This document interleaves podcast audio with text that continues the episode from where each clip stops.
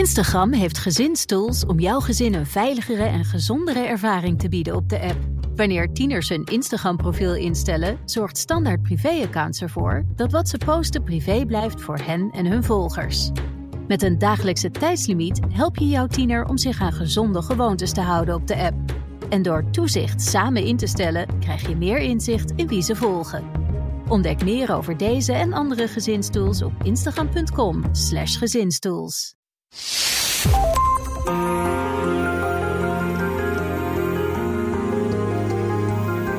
Je luistert naar De Stratege, een podcast van BNR in samenwerking met het Den Haag Centrum voor Strategische Studies. Mijn naam is Paul van Liemt. De oorlog in Oekraïne laat zien dat een militaire operatie zonder het gebruik van ruimte tegenwoordig ondenkbaar is. Ieder land probeert volwaardig ruimtemacht te worden. Zowel China 13.000 Chinese satellieten in de ruimte hebben en ook Nederland zit niet stil. Dat besprak ik vorige week met Patrick Bolder, defensie-expert van het Den Haag Centrum voor Strategische Studies. En met Arnold van Kleef, research en development ingenieur bij het Nederlands Lucht- en Ruimtevaartcentrum Koninklijke NLO. Die, die slachtoffers die in Bucha langs de, langs de straat lagen geboeid, waarvan Rusland zei: ja, maar dat hebben Oekraïners gedaan. Nee, op basis van die satellietfoto's kon je zien dat die er al lagen toen de Russen daar nog zaten. En dan kan je dat dus ook gebruiken in uh, aanklachten voor het oorlogstribunaal.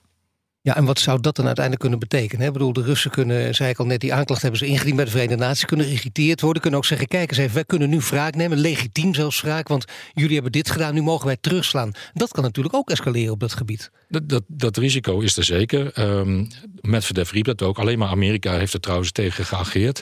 Andere landen hebben daar niet op gereageerd. Een beetje merkwaardig. Maar dat hele veiligheidsbewustzijn... dat begint nu ook pas bij de westerse, bij de Europese landen binnen te komen. Ik heb een jaar geleden in een militaire spectator ook iets geschreven over... Waar moet je rekening mee houden als je satellieten in de ruimte jaagt? Je moet ze onder andere beschermen tegen cyberaanvallen, tegen kinetische aanvallen, tegen aanvallen met elektromagnetische straling. En je moet heel snel eigenlijk weer kunnen zorgen dat je nieuwe satelliet in de baan brengt als jouw oude satelliet het niet meer doet of vernietigd is. Arnoud van Kleef en Patrick Bolder zijn nu ook mijn gasten, want we gaan luisteraarsvragen beantwoorden. En Arnoud is nog steeds uh, vergezeld van, uh, van zijn uh, bevriende satelliet. Die staat ik helemaal naast hem. Ik zou echt even kijken, mensen. Het is inderdaad een model 1 op 1 en weegt 10 kilo. De eerste vraag, heren, die komt van Bas van der Laan, 83. Dit lijkt me een prima domein, zegt hij, om op Europees niveau in te richten. Wat is de Nederlandse toekomstvisie met betrekking tot de organisatie van deze tak? Poeh, nou, Patrick. dat is een goede vraag. Ja, zeker. Nou, op Europees niveau is natuurlijk hetzelfde gaande als in Nederland. Dat we heel lang het ruimtedomein meer hebben gezien als een economisch domein. In plaats van een domein wat te maken heeft met veiligheid. Um, zo heeft Nederland vorig jaar voor het eerst een defensie-ruimteagenda. Dus het beleid wat, wat wil Nederland met het ruimtedomein doen. In militaire zin. Um, begin dit jaar is er ook pas op Europees niveau een defensie-ruimtebeleid gelanceerd is nog een beetje vlak allemaal. Van we moeten belangrijk, we moeten weten wat er in de ruimte afspeelt. We moeten ontwikkeling bieden, kansen bieden aan ons bedrijfsleven om daarin aanwezig te zijn.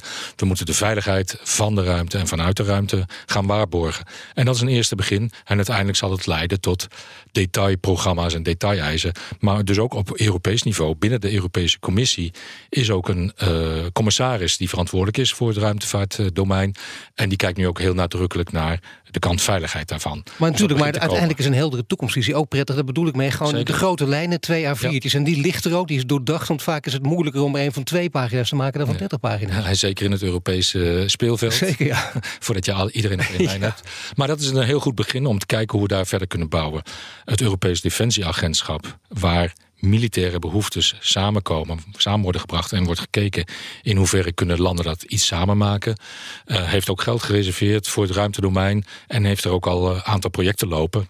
Hebben te maken met hypersone wapens, maar ook met uh, sensoren als ik het goed heb. Dus ja, dat begint wel degelijk te lopen. En, en een goede vraag, omdat ja, we kunnen het ook niet alleen, hè, want er gaat voor je het weten een heleboel geld in om. Maar je hebt ook een heleboel kennis voor nodig om dat goed in te richten. En hoe draagt het in, inderdaad bij aan Europese veiligheid? En kunnen we daarmee ook een stukje soeverein worden. Dus minder afhankelijk van de Amerikaanse veiligheidsparaplu. Ja, dus ik zou zeggen, dat, dat merk je overal. En mensen worden daar soms wat nerveus van. Maar ook hier is dan natuurlijk toch haast geboden. Dat denk ik ook, Arnoud, of niet? Ik bedoel, je zou het liefst dit binnen, binnen zes maanden op tafel hebben. Of kan dat niet? Was dat maar waar dat het zo, uh, zo makkelijk was? Ja, nee, uh, dat zou ik graag betekenen als we die, uh, die optie... Nee, maar wat, wat voor tijd gaat er overheen dan, voor je zoiets voor elkaar hebt? Nou, ik denk dat je, uh, als je, als je kijkt bijvoorbeeld, als ik een voorbeeld mag noemen, hè, een, een systeem voor shared early warning, waarbij je dus die, die, die hypersone wapens helemaal vroegtijdig kan detecteren. En dat je er helemaal geëmbedded heb je in je eigen operaties aan, aan de Europese kant. Nou, dan ben je zeker toch al vijf tot tien jaar verder. dan hebben we het oh. over een Europees raketschild. Tot die tijd ben je natuurlijk ook afhankelijk van, weer van de Amerikanen. De Amerikanen zeggen zelf ook van Europa hou ook graag je eigen broek op. Dat is voor hun zelf ook natuurlijk goed. Er kunnen er al twee Amerikaanse verkiezingen overheen zijn geweest. Dan zie je al hoe onrustig dit ook is. Ja, en daarom is het ook goed dat we in Europa vooral goed blijven doorpakken. En dat we, dat, uh, dat we prioriteit geven aan deze ruimtevaartontwikkelingen. Er komt er nu een vraag van uh, iemand die, uh, die, die volgens mij heel goed is ingevoerd. Die heet Joachim Cambre of Joachim Kamer. Op dit moment is volgens het UNOSA-verdrag, en dat is dus het United Nations Office for Outspace Affairs. Volgens dat verdrag is afgesproken om WMD en het militariseren van exoplaneten en manen te verbieden, zegt hij. En dan zegt hij ook: zien jullie dit wijzigen? Gezien zowel Rusland als China zich terugtrekken uit ISS. En ISS is dan weer het uh, International Space mhm. Station. Nou, Patrick. China maakt sowieso geen deel uit van het ISS, maar is bezig met hun eigen ISS te bouwen. Los van de Amerikanen, los van de Russen. De Russen hebben zojuist bekendgemaakt vorige week dat ze in plaats van 2024, 2025 tot en met 2028 volgens mij nu in het ISS gaan blijven. Dus dat is eigenlijk het enige punt in de hele wereld en de ruimte waar Amerikanen en Russen nog samenwerken.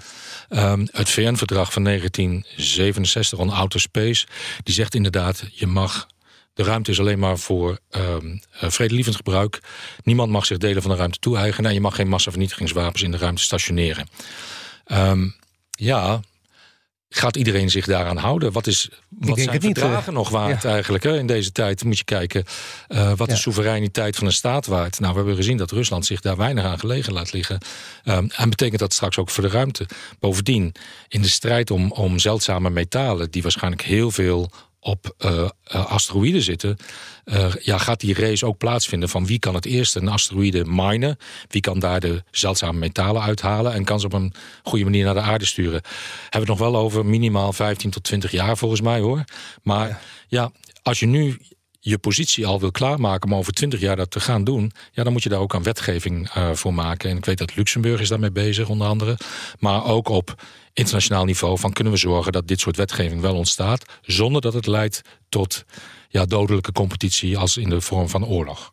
Ja, maar die kans is natuurlijk heel groot. Uh, zeker als je ziet dat soevereiniteit met de voeten getreden wordt nu. Dus waarom niet op deze terreinen? Ja, ja absoluut. En dat is ook een heel groot risico. Want uh, als je uiteindelijk oorlog in de ruimte gaat voeren met echt het uitschakelen en vernietigen van satellieten en van ruimtevaartuigen uh, en van mensen, ja, dan, dan ben je wel heel erg verkeerd bezig. En dan heb je echt wel een derde wereldoorlog uh, te pakken. Of misschien een vierde, oorlog, vierde wereldoorlog als deze in Oekraïne verkeerd afloopt. Nou, dat klinkt allemaal heel lekker, eh, Patrick. Dat, uh, laten we dit even wegstrepen. Ik ga nu naar een vraag van Elsinga Roel. Die zegt, we, horen tot de, we behoren tot de twintig rijkste landen op aarde. Waarom is onze ruimtevaart naar verhouding dan zo miniem? Want ook zegt hij, als je de hele EU telt, dan verbleekt het ruimtevaartbudget met het van de Verenigde Staten.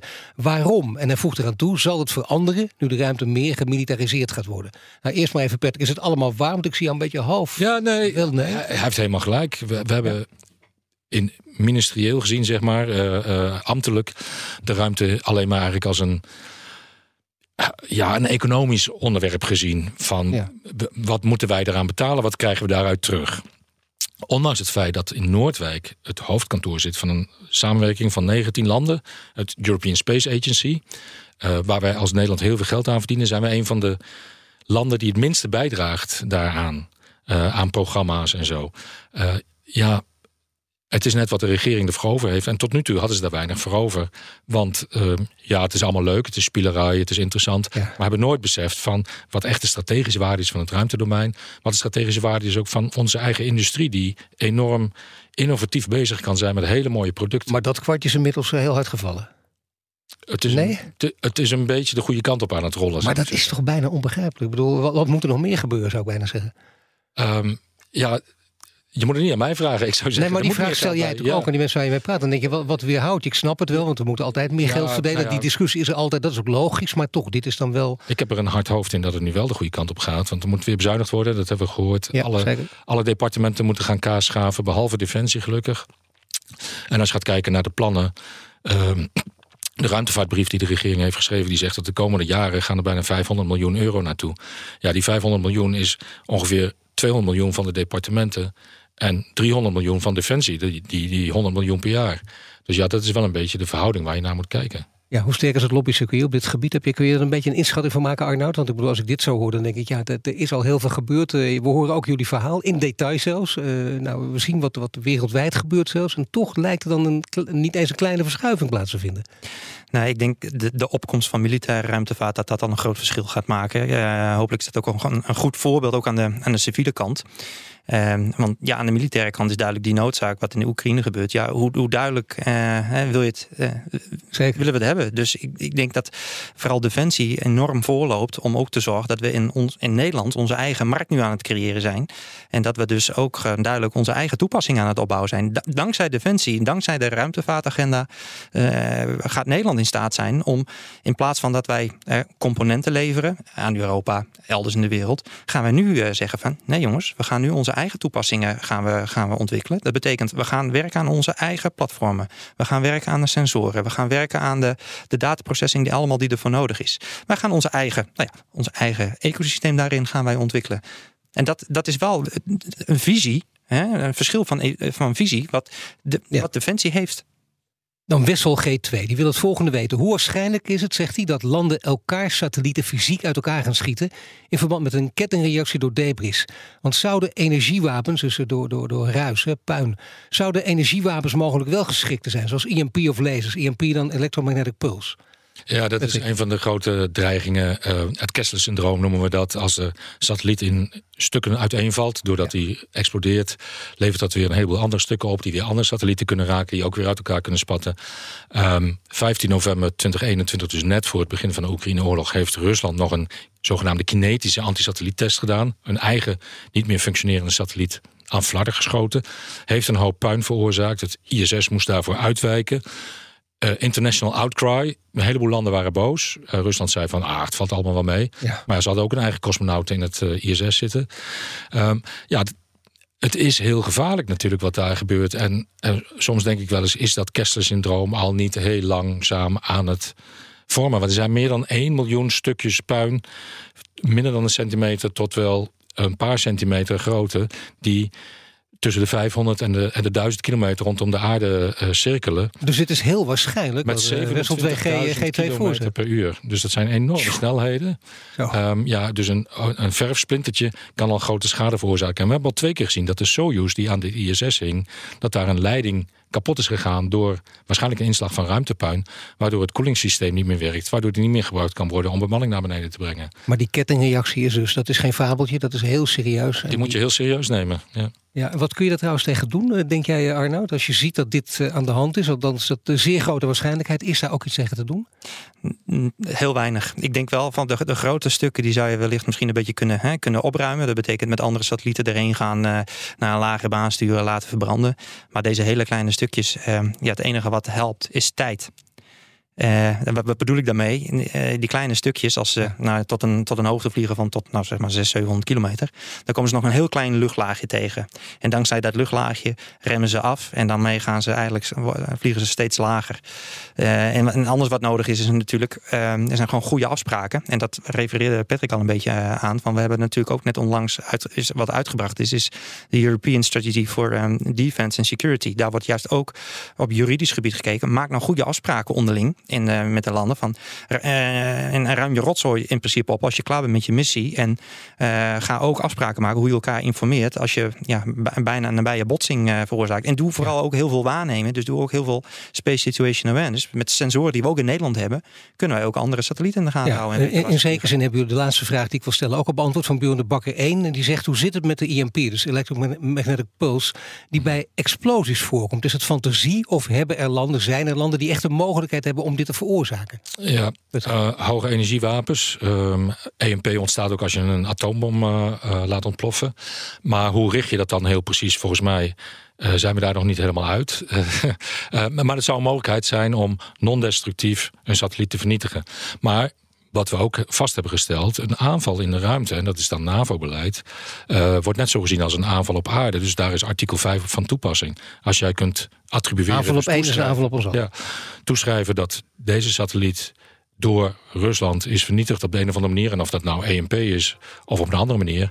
Ja, dan is dat een act of war. Dus een oorlogsdaad die waarop je kunt acteren. Dat hoeft niet per se in hetzelfde domein te zijn, maar ehm, ja, allemaal wel heel gevaarlijke ontwikkelingen. Heren, hartelijk dank. Patrick Bolde, defensie-expert van het Den Haag Center voor Strategische Studies... en Arnold van Kleef, Research and Development Ingenieur... bij het Koninklijk Nederlands Lucht- en Ruimtevaartcentrum NLR.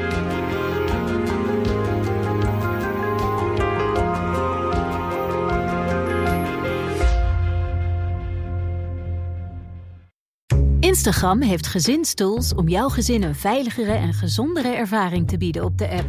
Wanneer tieners een Instagram-profiel instellen, zorgt Standaard Privé-accounts ervoor dat wat ze posten privé blijft voor hen en hun volgers. Met een dagelijkse tijdslimiet help je jouw tiener om zich aan gezonde gewoontes te houden op de app. En door toezicht samen in te stellen, krijg je meer inzicht in wie ze volgen. Ontdek meer over deze en andere gezinstools op instagram.com/gezinstools.